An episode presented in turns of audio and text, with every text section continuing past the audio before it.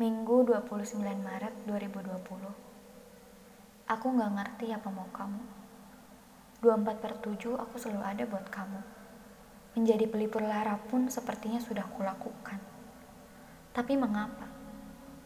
Kamu memberi isyarat bahwa kamu menginginkan luangnya waktu seseorang Padahal aku merasa bahwa aku selalu ada untukmu Lalu, siapa yang kau mau? Apa aku tidak cukup?